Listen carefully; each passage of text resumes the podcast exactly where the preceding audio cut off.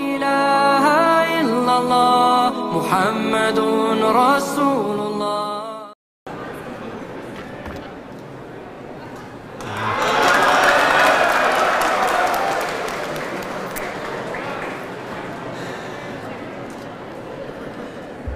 بسم الله الرحمن الرحيم السلام عليكم ورحمة الله وبركاته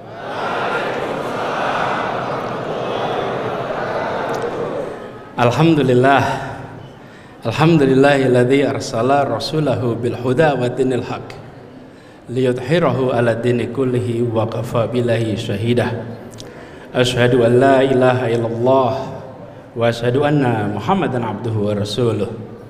Allahumma sholli ala sayyidina Muhammad wa ala alihi wa ashabihi ajmain. Amma ba'du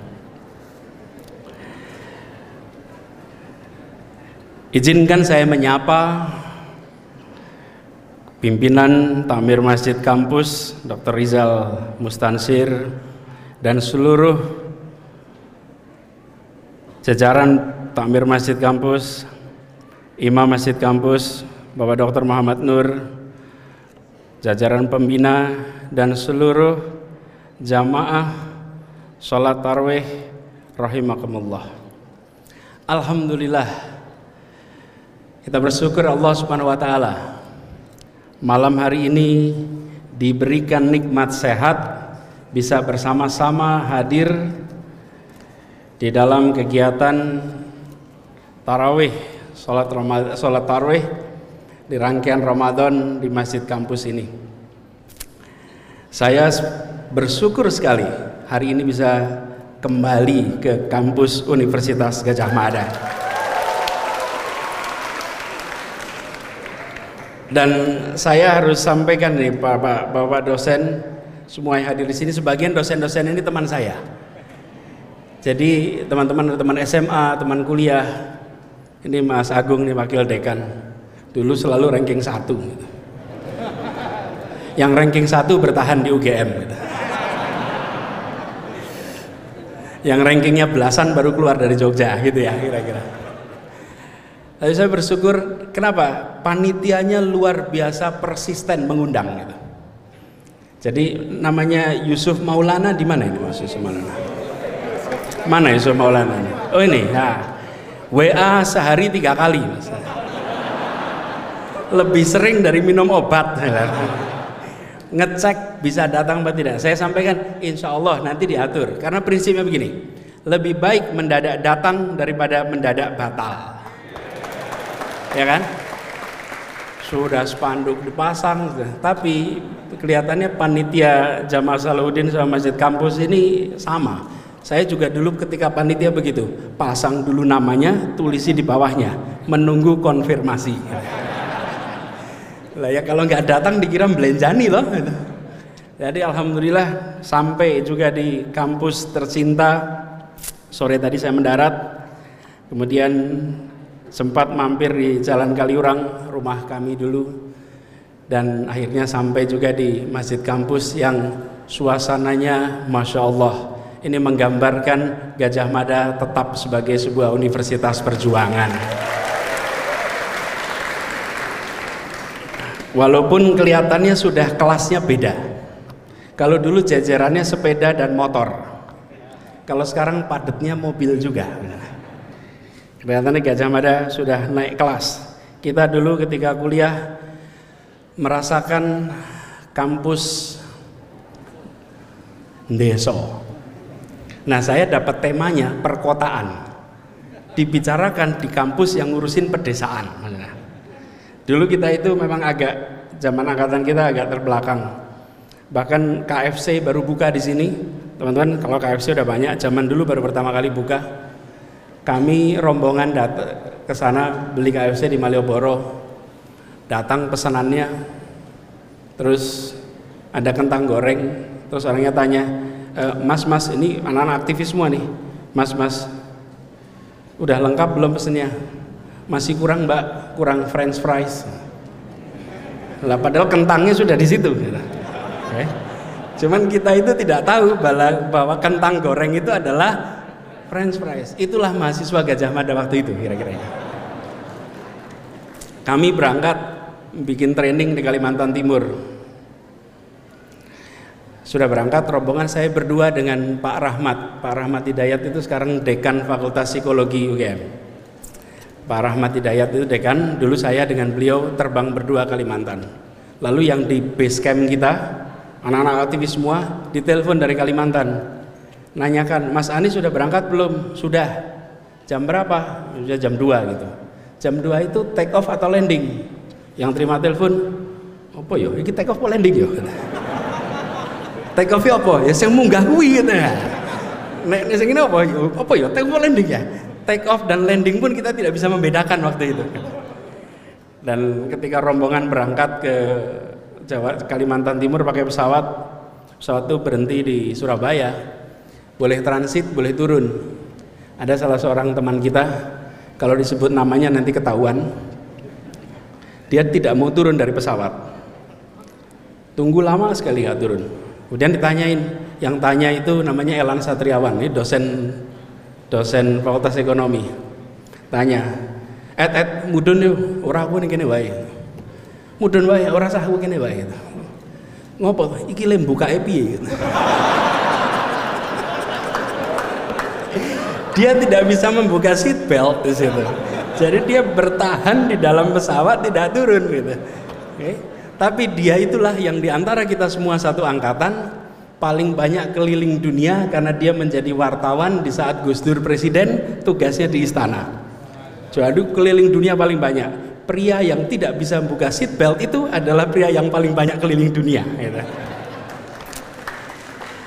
Jadi banyak sekali pengalaman kami saya kalau buat saya Gajah Mada itu bukan tempat kuliah saja karena masa kecil saya di kampus ini rumah saya hanya 500 meter di utara kampus SD saya di Sekip namanya SD Percobaan 2 Nah ini juga contohnya di Jogja sama Jakarta bedanya itu.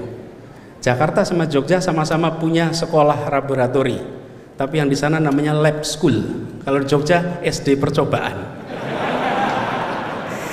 Ya Waduh lah ya sekolahnya mana mas SD percobaan oh ya toh alat coba-coba ya gitu.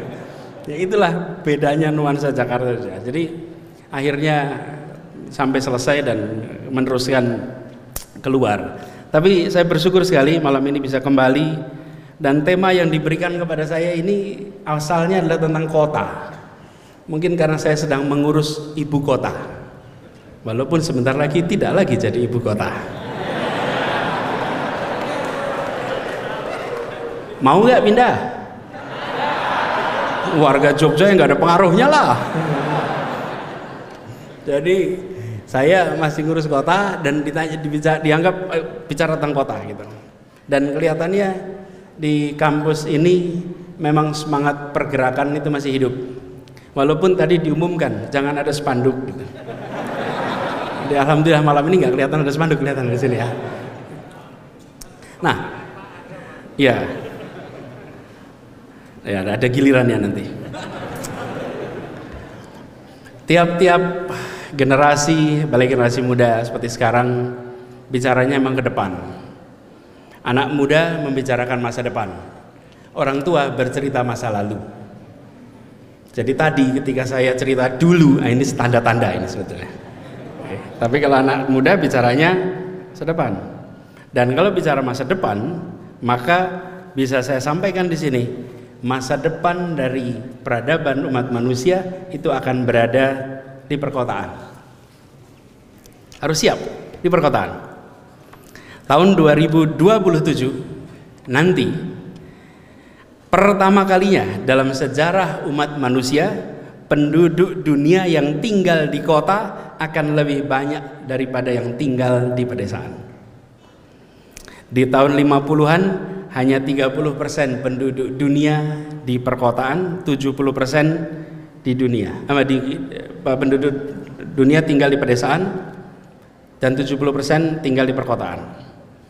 Tahun 2021 kemarin 57% penduduk dunia tinggal di kota. Indonesia juga sama. Tahun 2011 11 tahun yang lalu pertama kalinya Indonesia memiliki statistik lebih banyak warga tinggal di perkotaan daripada di pedesaan.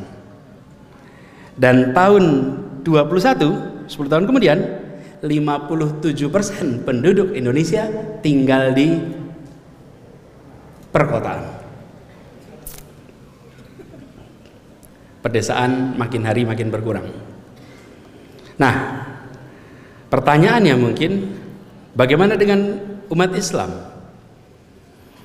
Kalau kita lihat sirah Nabawiyah, maka kita akan mendapatkan fakta bahwa Islam itu berkembang pesat di kawasan urban. Islam itu dimulai sebagai sebuah agama yang tumbuh di kawasan perkotaan. Pertama kali di Mekah yang merupakan pusat kegiatan, kemudian Yathrib.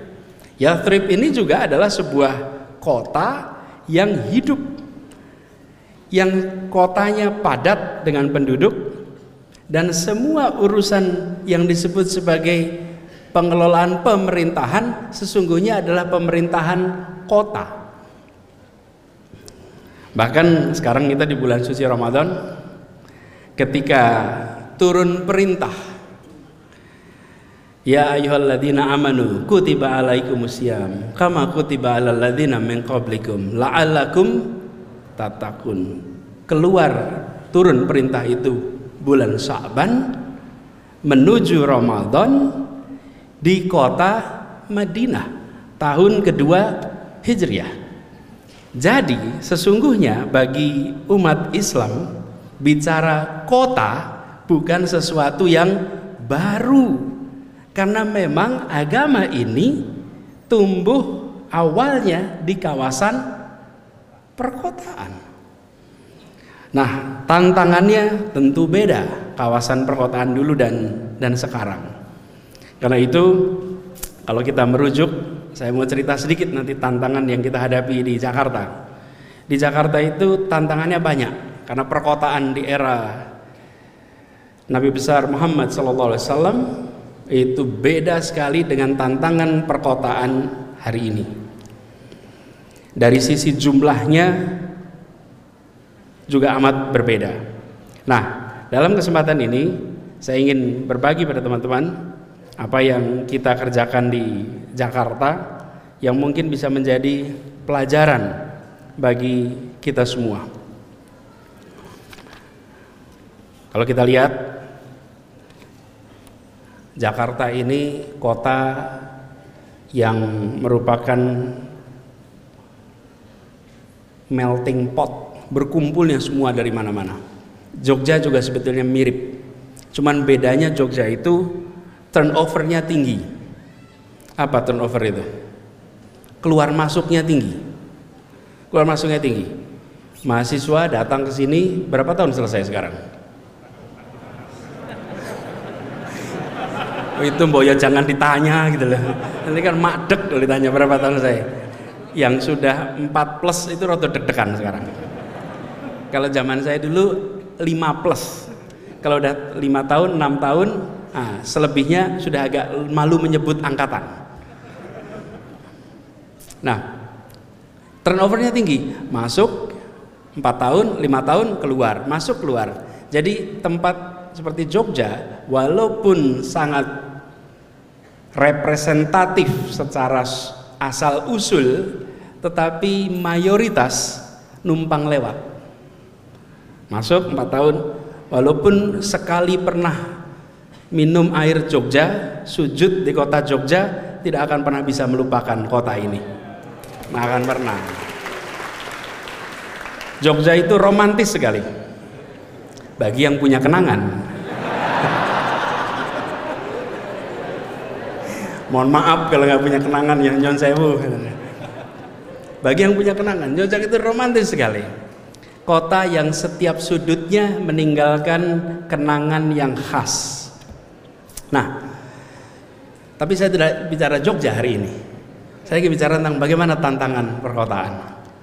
Nah kalau kita lihat kota seperti Jakarta salah satu tantangan terbesar adalah pergerakan penduduknya Jakarta itu secara resmi penduduknya 10 juta, maaf 11 juta sekarang.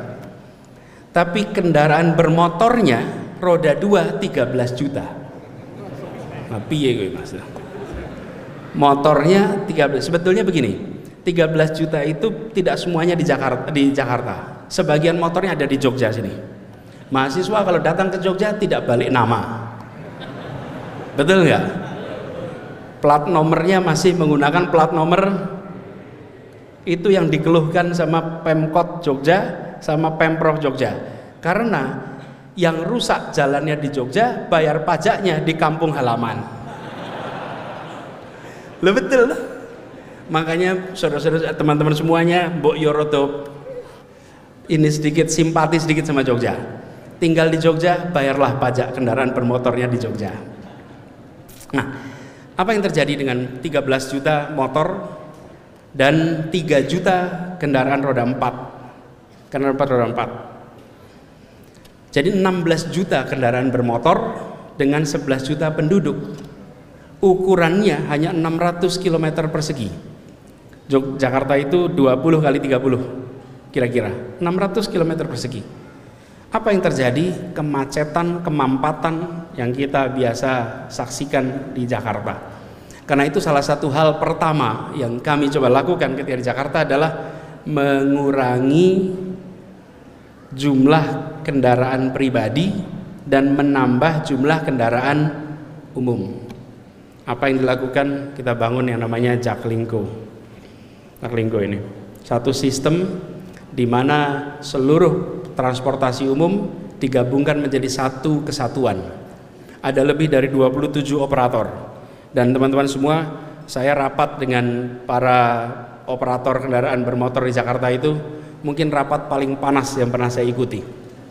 Karena para pengelola kendaraan bermotor itu eh, semuanya merasakan tekanan. Ngomongnya terus terang, Pak Gubernur, Pemprov DKI Jakarta ini tidak adil anda operator, tapi Anda juga regulator. Anda bikin regulasi yang menguntungkan untuk Anda, tapi merugikan untuk operator-operator. Apa operator itu? Kopaja, Komilet Jaya, apalagi Metro Mini dan sebagainya. Yang semuanya merasakan tekanan luar biasa. Jadi saya katakan kita mau selesaikan sama-sama. Ada lebih dari 25 operator. Yuk kita duduk bareng-bareng. Duduk bareng-bareng apa? Saya sampaikan, kami ingin kendaraan umum di Jakarta itu terjangkau harganya, terjangkau jaraknya, dan nyaman. Yuk duduk sama-sama. Dan terima kasih, Anda semua sudah menyelenggarakan transportasi umum di saat pemerintah belum bisa menyelesaikannya secara lengkap. Duduk bareng-bareng. Buatlah sebuah sistem namanya Jaklingko. Jaklingko itu sebuah sistem di mana kita ubah. Dulu warga dan ini adalah kendaraan umum mereka bertransaksi. Kami pemerintah bagiannya buat regulasi. Kita ubah operator kendaraan kami beli jasanya. Kami akan beli jasa Anda per kilometer per, per kilometer per hari. Jadi dihitungnya per kilometer satu hari 90 sampai 110 kilo. Jadi kendaraan itu muter terus, nggak perlu ngetem. Karena pemerintah akan bayarnya per kilometer. Karena itu angkot-angkot di Jakarta, Metro Mini di Jakarta, Kopaja di Jakarta, sekarang nggak ada yang ngetem, nggak bikin macet. Kenapa? Karena dia dibayar per kilometer. Muter terus mereka. Yang bayar siapa? Pemerintah. Warga tidak bayar per kilometer, warga bayarnya per 3 jam. ribu rupiah untuk naik kendaraan umum 3 jam, silahkan gonta ganti kendaraan tanpa bayar tambahan. Tanpa bayar tambahan, bayar 5 ribu. 5000 gonta ganti. Pokoknya anda ganti apa pun selama itu tiga jam. Cukup di tap. Apa yang terjadi? Warganya tenang karena tidak lagi digonta ganti. Kita mengalami dulu kendaraan umum berhenti e, mas mas turun mas dek dek turun dek dipindah. Pernah kan ngalamin itu? Dipindah. Lalu ngetem lama kenapa? Nunggu penumpang nunggu penuh baru jalan. Sekarang kosong jalan penuh jalan tidak ada lagi rute gemuk, tidak ada lagi rute kurus. Semua rute dibayar sama. Dan apa yang terjadi? Hari ini kalau Bapak Ibu teman-teman semua datang ke Jakarta, coba cari masih ketemu nggak Metro Mini yang pro yang wajahnya udur itu? Sudah nggak ada, Nggak ada Metro Mini Udur, Kopaja Udur, nggak ada. Ke mana mereka semua? Mereka hilang. Kenapa hilang? Karena pemilik-pemiliknya bisa mendapatkan kredit untuk membeli yang baru karena mereka punya kontrak dengan pemerintah untuk dilayani secara bertahun-tahun dan sehingga mereka ganti tanpa sakit hati. Tidak ada Metro Mini Kopaja yang digusur eh? dan tidak ada drama. Tidak ada drama, semua selesai tanpa drama. Diajak duduk sama-sama. Nah, warga bayar 5000 kami bayar per kilometer. Selisihnya namanya subsidi. Subsidi itu diberikan. Nah kalau dulu karena tidak pakai subsidi ya angkot metro mini uangnya nggak cukup. Hanya dari bayaran para penumpang nggak cukup. Efeknya remnya blong koplingnya rusak jalannya ngebut. Penumpangnya meningkat ketakwaannya Iya, lah doa sepanjang jalan kan. Jadi itu mengerikan buat mereka. Nah sekarang anteng. Dan apa yang terjadi? Sesudah itu dilakukan. Ini subhanallah, kami pun tidak menduga seperti ini. Dulu setiap hari di Jakarta yang naik kendaraan umum hanya 350 ribu orang per hari. Sesudah dibuat sistem baru meningkat menjadi satu juta orang per hari. Ya. Tapi ini belum selesai. Kita harapannya nanti 2 juta, 3 juta, 4 juta. Kalau sudah 4 juta baru kita bisa bilang mission accomplished. Kalau sekarang menuju mission accomplished. Karena udah naik nih. Naiknya tiga kali lipat. Dan apa yang kemudian terjadi? Jakarta 2017 dinobatkan sebagai kota termacet nomor 4 di dunia. Prestasi itu ya jangan termacet nomor 4 kok termacet gitu. Termacet di dunia nomor 4 2017. 2018 turun jadi nomor 7 di dunia. Kemudian turun lagi jadi nomor 10. Tapi masih 10 besar. Di mana-mana itu kita kepengen 10 besar kecuali urusan macet. Jadi saya bilang kita harus usahakan keluar. Apa yang terjadi? Tahun 2020 kita turun menjadi nomor 32 di dunia. Okay. Tahun 2021 kita menjadi nomor 64 di dunia. Okay. Dalam 4 tahun dari nomor 4, nomor 7, nomor 10, 32, 6, 4. Ini kerjanya gubernur? Ini kerjanya seluruh rakyat Jakarta. Ini adalah kerja semua kita. Kenapa? Lah yang pindah kendaraan umum siapa? Yang pindah kendaraan umum adalah warga Jakarta. Warga Jakarta memilih untuk meninggalkan. Kenapa mereka memilih? Karena kendaraan umumnya nyaman. Nah, pasangannya kendaraan umum namanya trotoar. Jika sebuah kota menganggap kendaraan adalah beroda, maka dia tidak akan menyiapkan jalan untuk orang. Padahal alat transportasi yang dimiliki oleh semua orang namanya kaki. Kaki itu alat transportasi yang dimiliki oleh semua orang. Tapi kaki itulah yang paling tidak difasilitasi selama ini. Saya tadi buka puasa di Jalan Kaliurang pinggir jalan, habis itu sholat di Masjid Al Ittihad Karangkuni. Ah 200 meter melaku baik gitu kira-kiranya jalan kaki. Ternyata harus jalan kaki di aspal Kenapa? Karena belum ada trotoar. Kita semua berharap semua kota jangan mengulangi kesalahan Jakarta. Jakarta selama berdekade-dekade, jadi bukan bertahun-tahun ya. Kalau bertahun-tahun itu nyalahkan seseorang, oke? Okay? Berdekade-dekade, oke? Okay?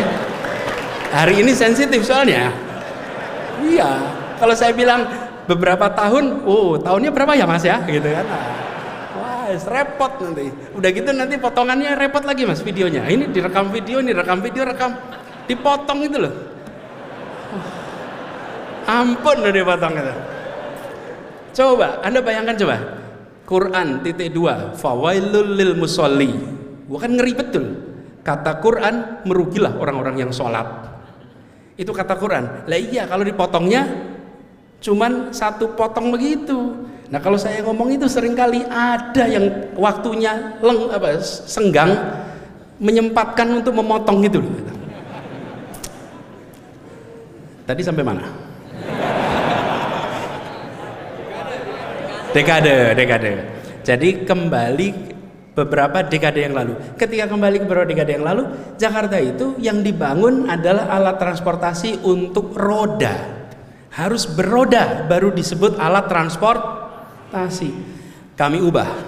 Bila sebelumnya cara berpikirnya begini, bangun untuk kendaraan pribadi, di bawahnya adalah bangun untuk kendaraan umum, baru nomor tiga untuk pejalan kaki. Trotoarnya basa-basi. Yang penting kelihatan ada trotoar. Kita ubah. Bangunan infrastruktur transportasi nomor satu adalah trotoar. Nomor dua adalah sepeda. Jalur sepeda. Nomor tiga adalah kendaraan umum. Nomor empat adalah kendaraan pribadi. Paradigmanya diubah. Dan ketika paradigmanya diubah, dibangunlah trotoar di mana-mana. Dalam waktu kurang dari empat tahun Jakarta membangun 341 km trotoar di seluruh Jakarta bukan cuman di Jalan Tamrin. Memang yang kelihatan fotonya di Tamrin. Di Sudirman. Itu yang kelihatan fotonya. Ya karena ada CFD kelihatan tuh. Tapi sesungguhnya itu di seluruh wilayah Jakarta ada 341 km dan ketika itu dibangun apa yang terjadi? Warga mulai terbiasa jalan kaki. Dan jalan kaki itu sehat. Jalan kaki itu ramah lingkungan. Jalan kaki itu membangun kesetaraan. Jadi itu kita bangun. Nah, hal berikutnya yang saya ingin tegaskan, mengapa transportasi umum, mengapa trotoar, mengapa itu semua dibangun? Nah, ini yang saya ingin ceritakan, ruang ketiga.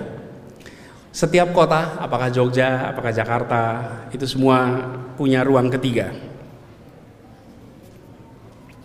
Ruang ketiga itu begini. Ruang pertama itu di rumah. Rumah. Ruang kedua itu tempat kerja. Ruang ketiga itu ruang bersama publik. Itu ruang ketiga. Selama berdekade-dekade Ya, bukan bertahun-tahun ya, gitu, berdekade-dekade. Selama berdekade-dekade, ruang ketiga itu diserahkan kepada swasta untuk menyediakan. Pemerintah seperti nggak menyediakan ruang ketiga itu. Apa ruang ketiga ini? Ruang interaksi warga. Di mana itu? Swasta yang menyiapkan namanya MALL. Mall. Betul kan? Warga itu disiapkan taman tamannya pun bukan untuk interaksi. Tamannya itu kalau dalam bahasa Inggris disebutnya garden. Ada dalam bahasa Indonesia taman itu satu. Kalau bahasa Inggris ada dua. Satu namanya garden, satu namanya park. Park itu tempat untuk bermain, kalau garden tempat untuk ditonton. Karena itu semua taman-taman kita itu rumputnya ada tulisannya dilarang menginjak rumput. Lihat terus kapan mainnya anak-anak kita ini? Monas yang besarnya seperti itu tertulis di bawahnya dilarang menginjak rumput. Lo rumput itu memang untuk diinjak. Nanti rusak ya ditanam lagi. Cara pandangnya beda loh nggak apa-apa. Anak-anak kotor main kotor ya suruh mandi ganti bajunya anak-anak main kotor ya normal anak-anak tidak main kotor kasih video game nonton TV jamin bersih dia. Tapi 20 tahun lagi kita menyesal itu. Apa yang terjadi? Diubah mindsetnya. Taman di Jakarta diubah menjadi park. Trotoar dibangun transportasi umum disiapkan. Semuanya adalah ruang ketiga. Ruang interaksi.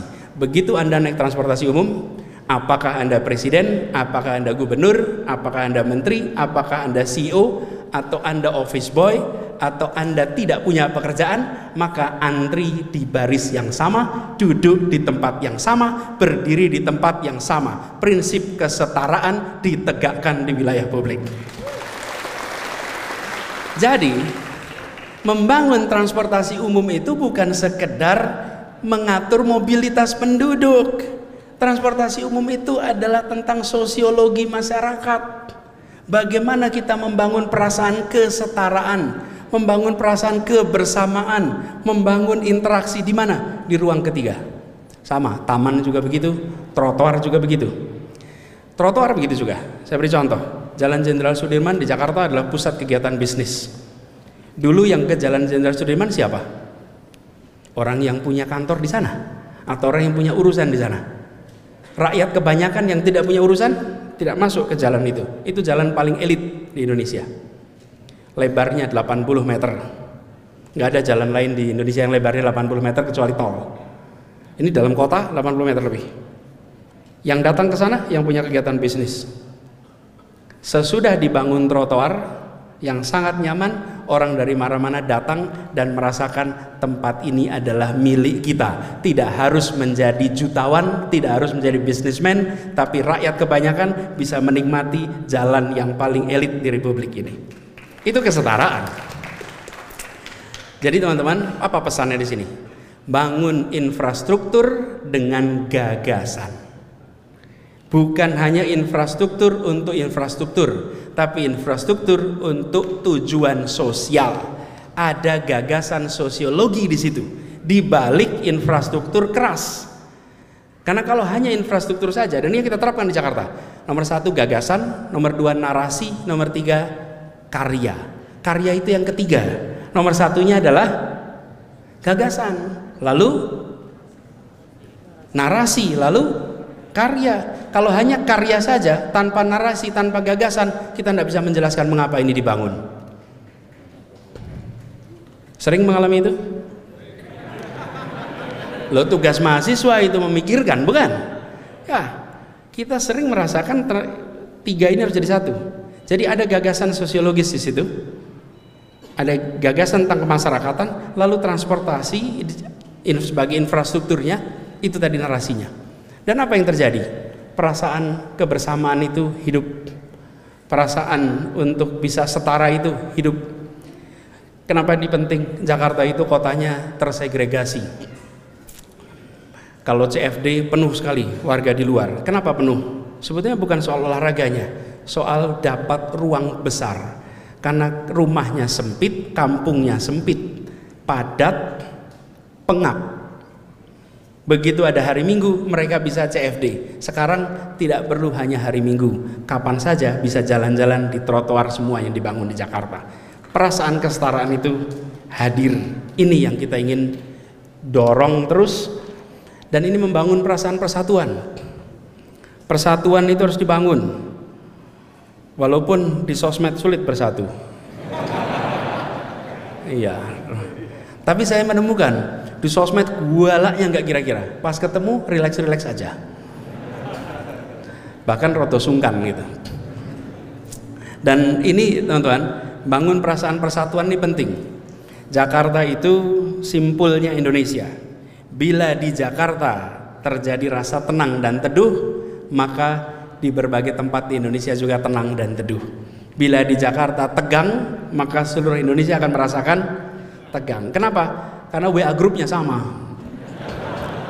Lah iya, lah orang di Jakarta itu kalau ada apa-apa dia kirim ke kampung halaman yang lewat WA grup. Masalah di Jakarta nular ke daerah.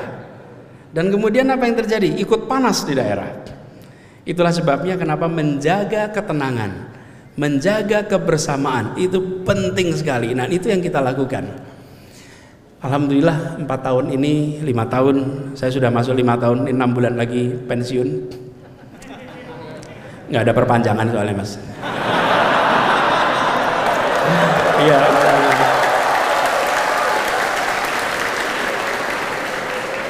eh kenapa tepuk tangan nih kan bahaya iya jadi saya bulan Oktober besok kalau tidak ada halangan tidak ada perubahan itu selesai nah selama empat setengah tahun ini jalanin alhamdulillah ketenangan keteduhan itu dibangun. Tapi itu sekalian teman-teman semua, sebagian dari yang dikerjakan untuk membangun rasa kebersamaan, ketenangan itu tidak bisa difoto, teman-teman. Saya beri contoh. Mencegah kebakaran tidak ada pahlawannya. Memadamkan kebakaran terlihat pahlawannya. Betul tidak? Ya. Konflik, ketegangan itulah kebakaran mencegahnya tidak menimbulkan pahlawan.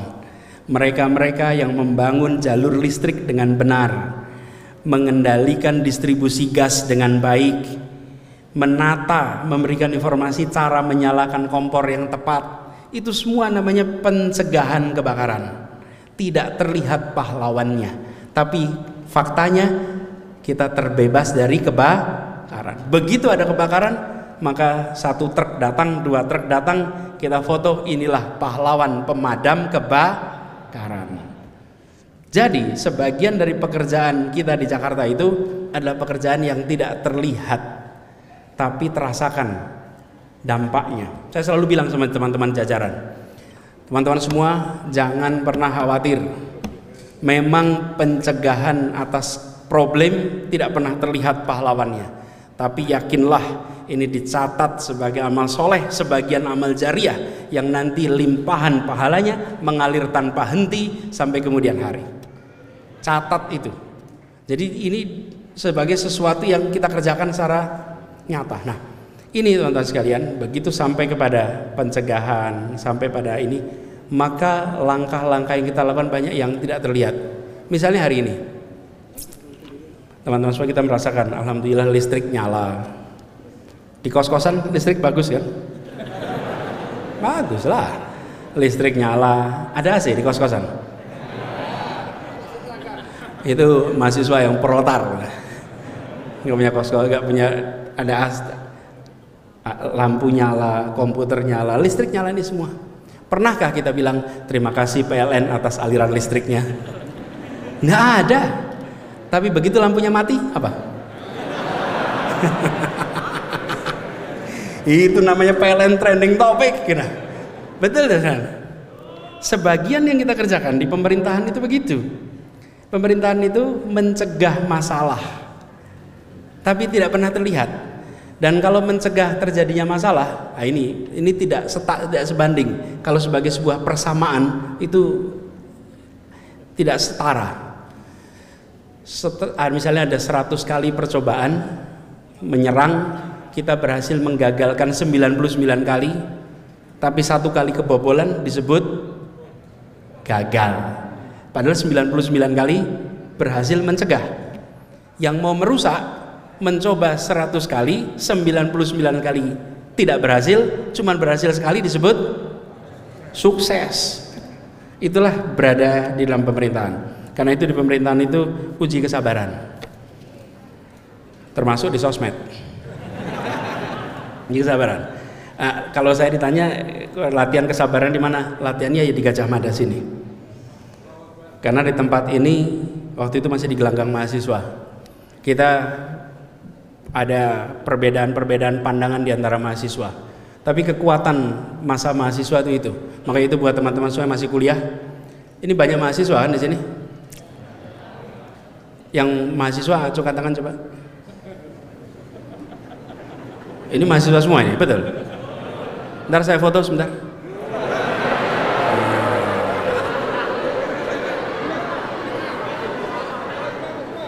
Ya, oke, siap. Terima kasih memastikan aja betul mahasiswa. Zaman dulu tuh banyak yang berlagak mahasiswa tapi lapornya ke tempat lain.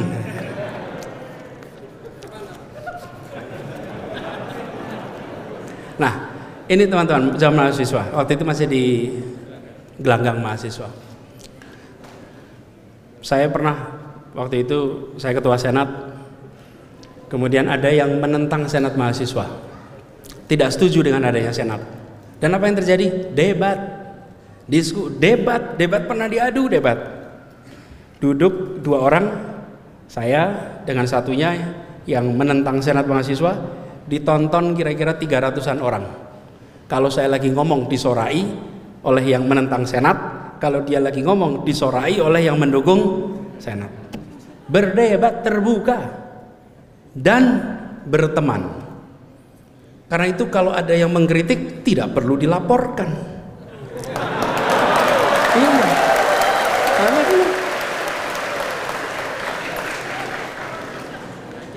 lanjut gitu ini lah. Ojo ojo ngompori mas. Jadi perdebatan itu menjadi sesuatu yang lumrah. Lum apalagi di kampus. Kalau di kampus ada rasa takut untuk berbicara tentang kenyataan, maka kampus itu sedang mengalami masalah. Ya, pasti. Di kampus tuh harus bisa bicara bebas. Justru kampuslah tempatnya. Dan di kampus itu juga lah kita terbiasa untuk menjaga iklim demokrasi. Apalagi di anak-anak teman-teman mahasiswa. Teman-teman mahasiswa itu banyak sekali pemimpin-pemimpin mahasiswa. Pemimpin mahasiswa. Pemimpin mahasiswa itu adalah orang-orang yang diakui kepemimpinannya bukan oleh petinggi-petinggi, tapi diakui kepemimpinannya oleh sebayanya. Pengakuannya oleh sesama maha siswa. Itulah pemimpin muda. Jadi kalau ada pemimpin muda yang rebutan stempel, maka dia sesungguhnya bukan pemimpin. Ya. Karena kalau pemimpin itu bukan rebutan stempel, pemimpin itu diakui oleh dan disebut pemimpin. Ini kita lagi di masjid nih. Imam Walaupun seseorang itu sholatnya di depan mihrab sini, tapi bila tidak ada satupun makmum di belakangnya, dia tidak bisa disebut sebagai imam. Seseorang berubah statusnya menjadi imam jika dan hanya jika ada makmum walaupun satu. Karena itu kalau Anda mengatakan I am a leader, who is your follower? If you have no follower, you are no leader. Bila Anda tidak ada pengikut, maka Anda bukan pengikut apa? Orang yang mengikuti gagasan Anda. Orang yang menjalankan gagasan Anda. Orang yang mau bekerja bersama dengan Anda. Dan itulah masa mahasiswa. Karena itu saya sampaikan pengalaman terbesar, pengalaman paling bermanfaat itu di di, di Gajah Mada ketika terlibat dalam organisasi dan belajar pada saat itu menghadapi rezim Orde Baru yang tidak bersahabat pada gerakan mahasiswa. Tadi malam, tadi pagi waktu saya terima apa ada yang mengirimkan saya rekaman bukan saya sih di grup grup alumni UGM ada foto taraweh bawa spanduk di belakangnya. Enggak, ini saya lagi mau cerita pengalaman saya, bukan nanti malam tuh. Oke?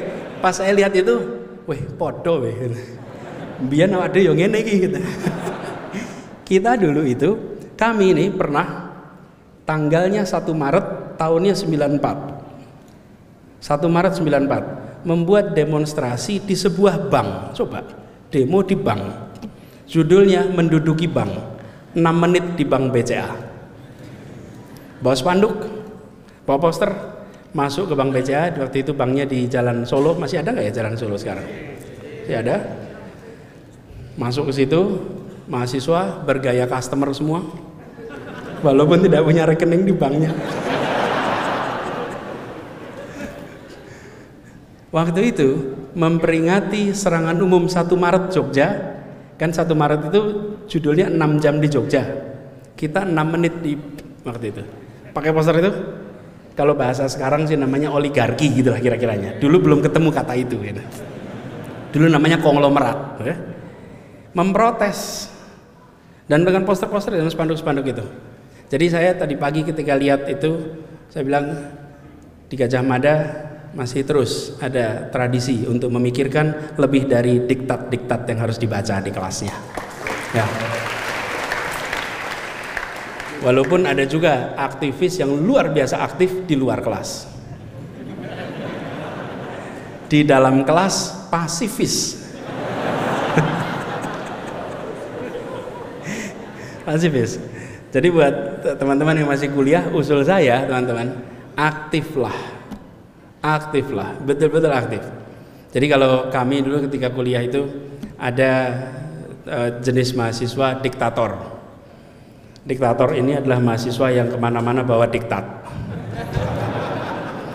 Dan apa pun yang dibaca diktat. Ini kemudian e, mereka ini kita sering sebut sebagai profesional individualis. Profesional individualis. Ada juga yang organisatoris. Organisatoris ini aktif betul organisasi A, B, C, D, F, G kecuali kuliah. ini aktifnya luar biasa. Lalu ada yang tipe mahasiswa yang proletarian. Yang proletarian ini sandalnya jepit, rambutnya gondrong, tampilannya seperti jarang mandi, okay? dan selalu membicarakan rakyat. Ini kelompok proletar. Ada juga jenis yang asketis religis, sudah melampaui urusan keduniaan. Lihatnya udah wah udah ukhrawi semuanya ini urusan ini. Itu kalau laki-laki terlihat dari apakah mata kakinya terlihat apa tidak gitu kira-kira ini asketis religis nih. Asketis religis. Ada juga jenis sebentar saya ingat-ingat lagi nih. Ada juga humanis sosialis individualis. Ini menikmati mendatangi semua seminar diskusi duduk depan pencatat bertanya. Ke mana pun selalu bertanya memikirkan rakyat. Tapi sebatas ruang diskusi saja nggak ada actionnya. Dan kalau sudah bisa mendiskusikan semuanya itu maka merasa sepertinya masalah sudah selesai. Dan teman-teman semua para mahasiswa kita kita yang saya juga sama kita semua mahasiswa senang baca buku. Di kos-kosan di kamar biasanya berderet buku. Sebagian untuk dibaca sebagian untuk pemandangan sebagai mahasiswa intelektual dong gitu dan kadang-kadang yang masih puber intelektual itu kayak kita kita ketika masa itu bacanya yang rumit-rumit makin sulit bacaannya, makin puas di hadapan teman kos. Oh, ini top betul. Wacanamu apa tuh? Aku ora paham, ora ngerti loh. Aku ya jane ora ngerti.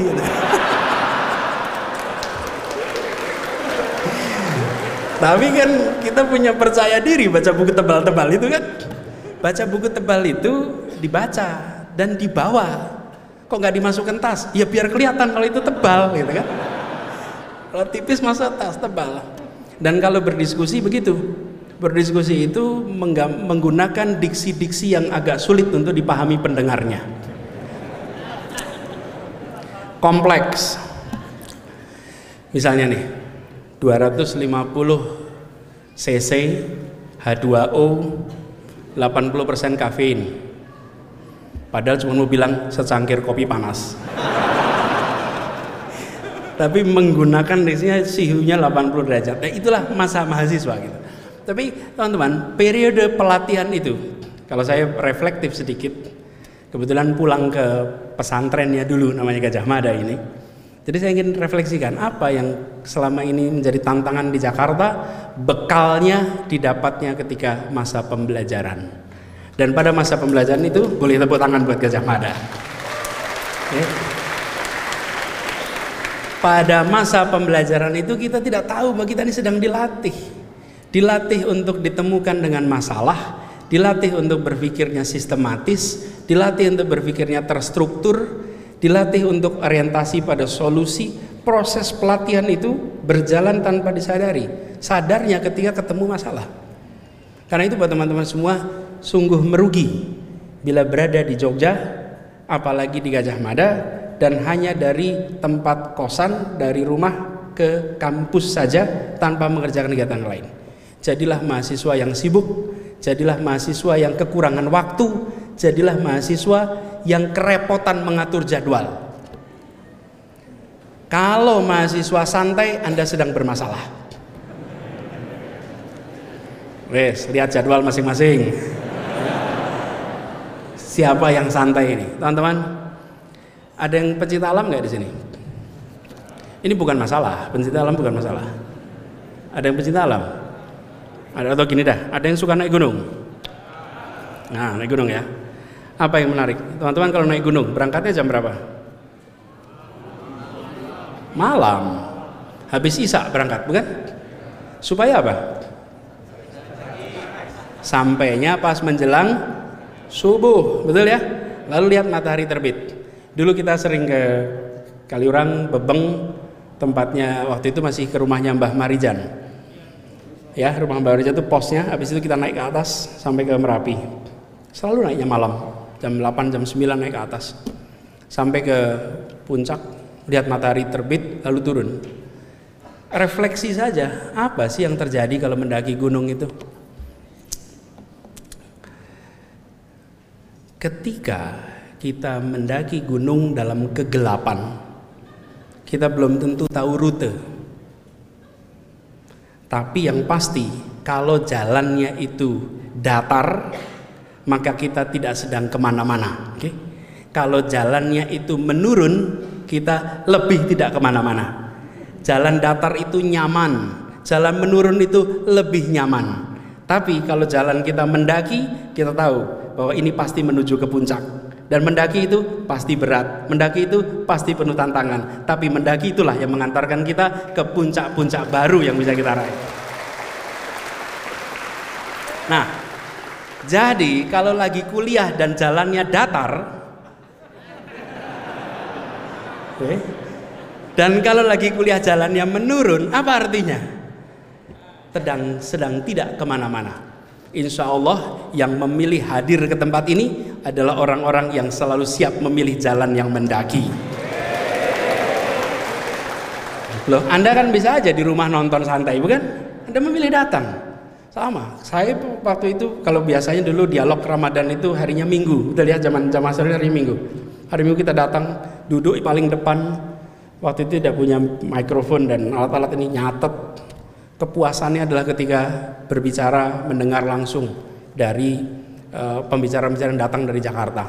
Dan inilah uh, teman-teman semuanya contoh saya refleksikan apa yang kita alami di Jakarta dengan apa yang menjadi pengalaman ketika masa-masa uh, kuliah dulu. Jadi buat teman-teman semua di sini perjalanan Anda masih panjang. Kalau tadi disebut judul resmi yang diumumkan lewat kegiatan ini adalah Indonesia ke depan. Anda semua adalah pemilik Indonesia ke depan.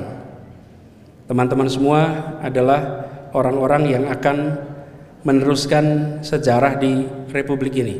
Jadi saya titip pada teman-teman semua.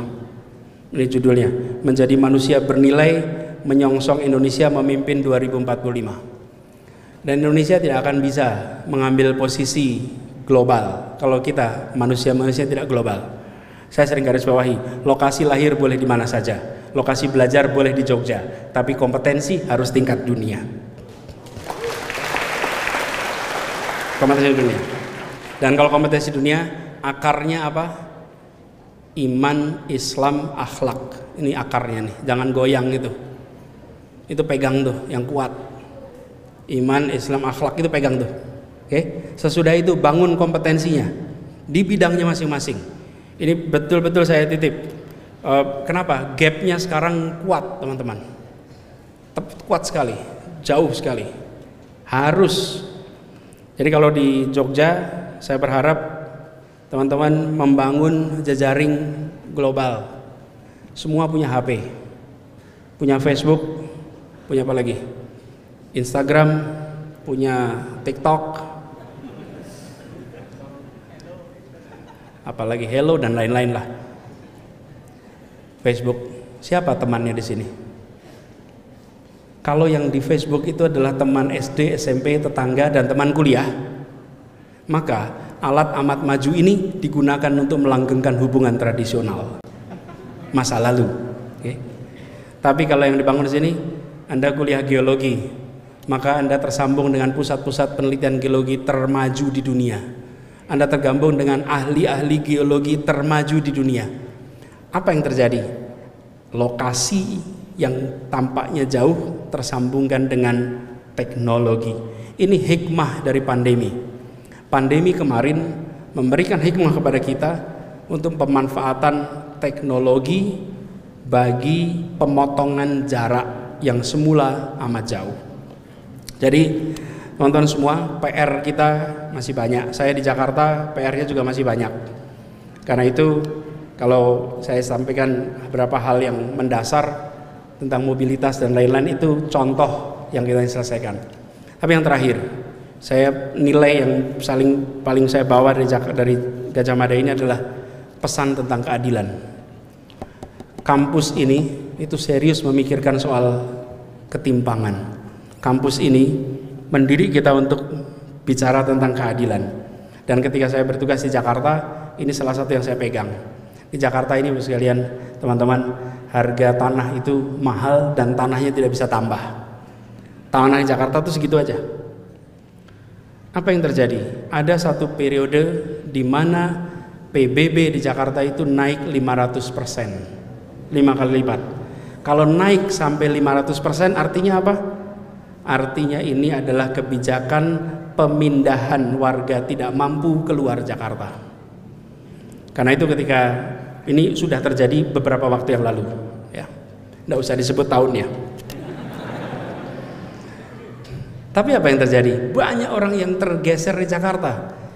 Kota-kota, kawasan-kawasan kota yang dulunya penuh dengan tokoh-tokoh seperti Menteng, satu-satu menjual rumahnya. Kenapa? Tidak mampu bayar PBB. PBB-nya mahal sekali karena NJOP-nya 500%. Jadi kemarin kami buat kebijakan di Jakarta ini bahwa PBB tidak boleh naik karena itu PBB selama ini tidak pernah dinaikkan. Lalu yang kedua, pembebasan PBB bagi semua orang yang berjasa bagi republik ini. Semua. Guru, dosen UGM kalau rumahnya Jakarta gratis PBB-nya. Masalahnya rumahnya di Jogja, jadi bayar PBB nih. Tapi di Jakarta guru dosen nol PBB-nya. Keluarga pahlawan, keluarga dosen sampai tiga generasi nol. Apa pesannya misalnya kan? Bahwa jangan sampai keluarga-keluarga pendiri republik ini mereka terusir dari tanah yang mereka perjuangkan kemerdekaannya. Boleh. Dan itu pesan yang sangat kuat almarhum Pak Mubiarto, dosen saya, Pak Mubiarto, kemudian Profesor Lukman Sutresno, Allah yarham, semua sudah wafat sekarang. Mereka orang-orang yang selalu menekankan pada masa-masa kuliah dulu betapa pentingnya menjaga itu. Dan banyak nama-nama lain yang kita ingat. Karena itu saya berharap buat teman-teman semua di sini gunakan kesempatan pembelajaran yang ada untuk menjadi bekal ya hari ini ya besok. Karena mahasiswa itu dua peran, peran kekinian, peran masa depan peran kekinian Anda bagian dari masyarakat. Mahasiswa tidak boleh berhenti kritis. Mahasiswa harus kritis. Karena kalau mahasiswa tidak kritis, maka dia sedang mematikan peran kekiniannya. Sambil menyiapkan masa depan.